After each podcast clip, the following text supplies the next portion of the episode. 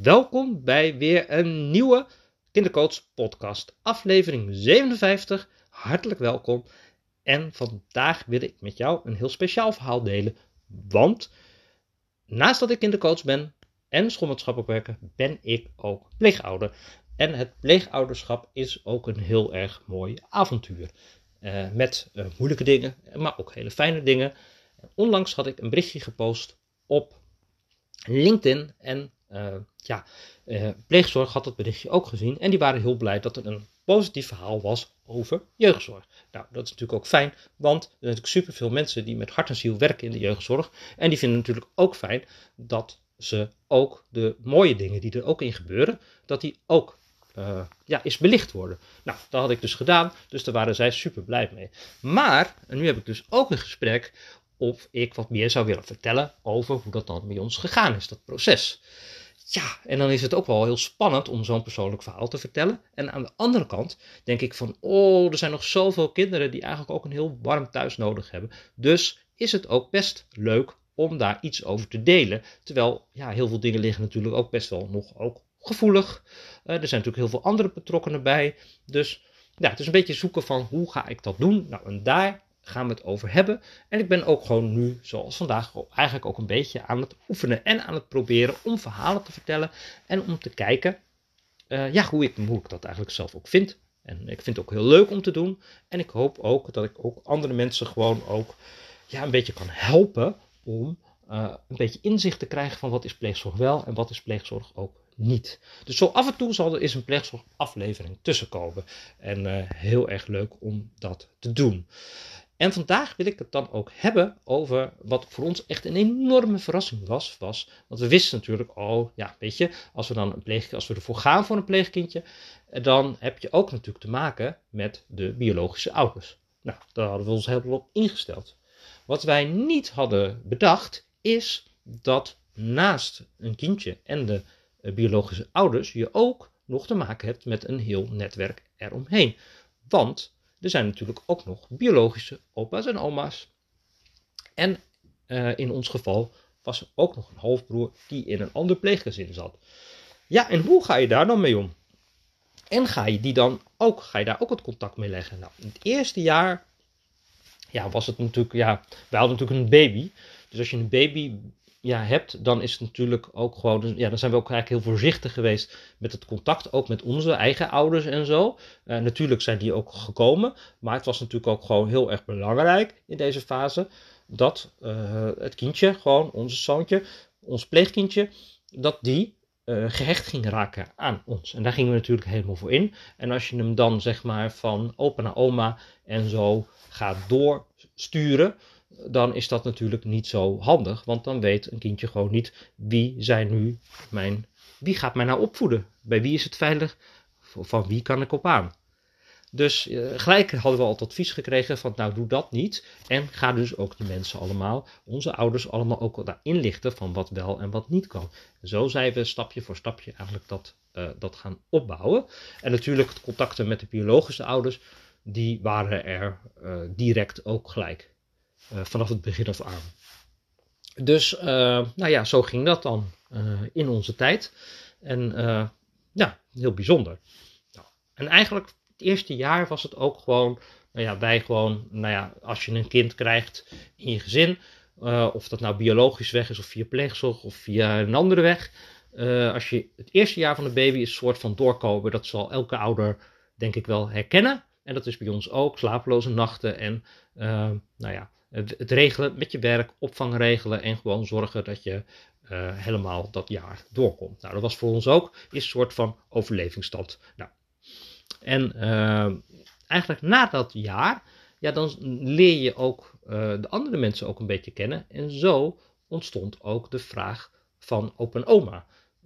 Die wilden ook graag een keer langskomen. Nou, die zijn ook zo langsgekomen. En daar zijn we ook gewoon mee gaan afspreken. En dat ging eigenlijk ook zo een heel, op een hele ja, ja, uh, uh, langzame manier eigenlijk best wel. Maar het was ook leren kennen. Ja, en hoe vaak zie je opa's en oma's? En daar moest je dan ook over nadenken. En dan moest je er ook heel erg naar zoeken naar, ja, in welke vorm.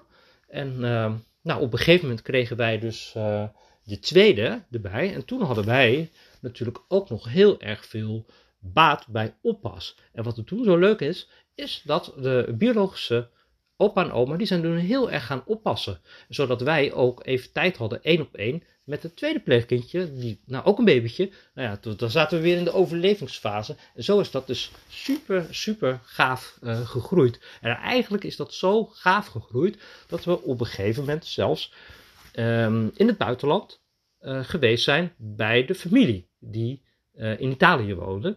En uh, die familie heeft een bakkerij en daar zijn we dus geweest in een huisje. En hebben we dus heel veel uitgewisseld. En nou, zo hebben we een heel mooi contact eigenlijk gekregen. En ja, zo loopt familie eigenlijk helemaal door elkaar in de loop van de tijd. En dat hadden we natuurlijk nooit aan het begin gedacht dat dat zo zou lopen. En dat is natuurlijk wel heel erg leuk. En uh, ja, in het begin was dat eigenlijk al. Op een mm-hmm. gegeven moment kregen we dan zo um, koekjes opgestuurd uit Italië. Zo'n hele doos opgestuurd. Die hadden ze open oma meegenomen.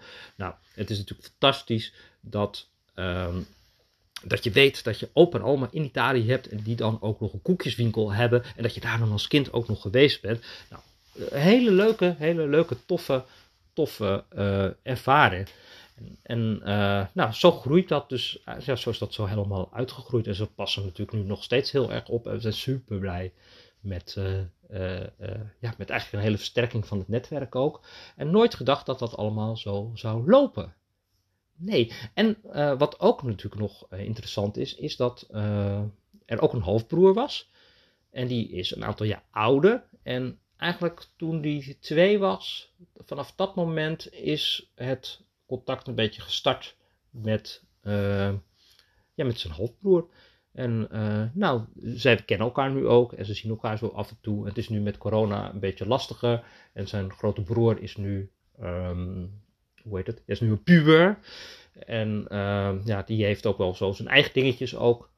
Dus, uh, maar goed, het, ze kennen elkaar en ze, ze kunnen elkaar naartoe, ze kunnen op bezoek, ze kunnen, hoe heet het, met elkaar als zij een verjaardag hebben, nou ja, ze weten van elkaars bestaan. En uh, dat is ook zo heel prima. Ja, en wat natuurlijk ook zo was, is bij de tweede kregen wij natuurlijk ook weer een heel netwerk erbij. Een moeder ook natuurlijk, en een vader, en uh, een opa en oma. Nou, een oma aan één kant en een opa aan de andere kant. En uh, ja, de andere waren er niet meer.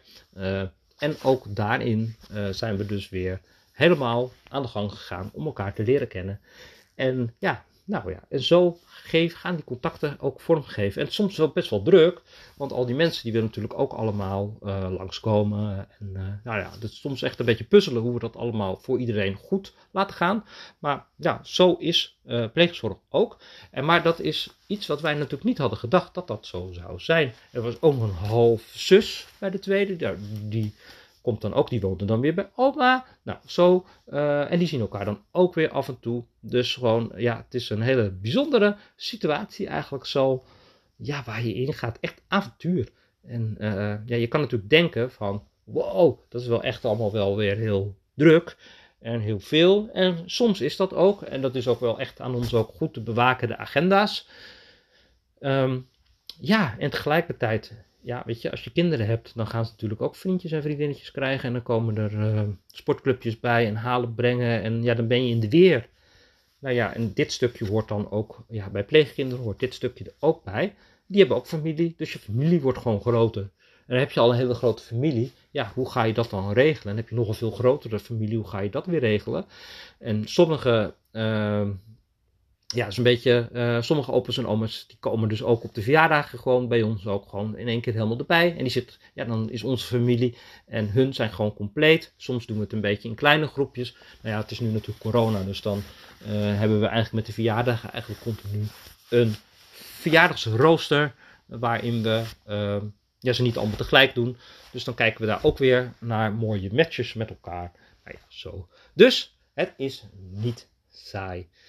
En wel heel leuk. En ik zou zeker zeggen, als je overweegt van, ja, oh, ik zou ook een pleegkindje willen. Ja, ik, zou, ik heb ook een, nou ja, een groot hart en ik heb heel veel te geven. En ik, we hebben tijd en ruimte daarvoor. Ja, het is gewoon een hele bijzondere ervaring.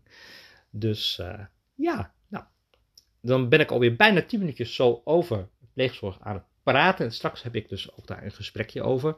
Uh, om dit soort verhalen te delen. En ik ben ook heel benieuwd eh, wat jullie van de verhalen vinden en of ze inspirerend zijn en of ze ook helpend zijn. Laat het me ook gewoon weten, vind ik super leuk. En ehm, ja, af en toe zal ik er ook even zo weer een verhaal denk ik tussen gaan doen. En zo kan ik op een hele ja, laagdrempelige manier, ook als er gewoon iets te melden is hè, rondom pleegzorg, als ik ermee bezig ben, dan is het ook fijn om daar gewoon zo over te vertellen. Dan wens ik jou verder een hele fijne dag en dan zie ik je bij een volgende podcast.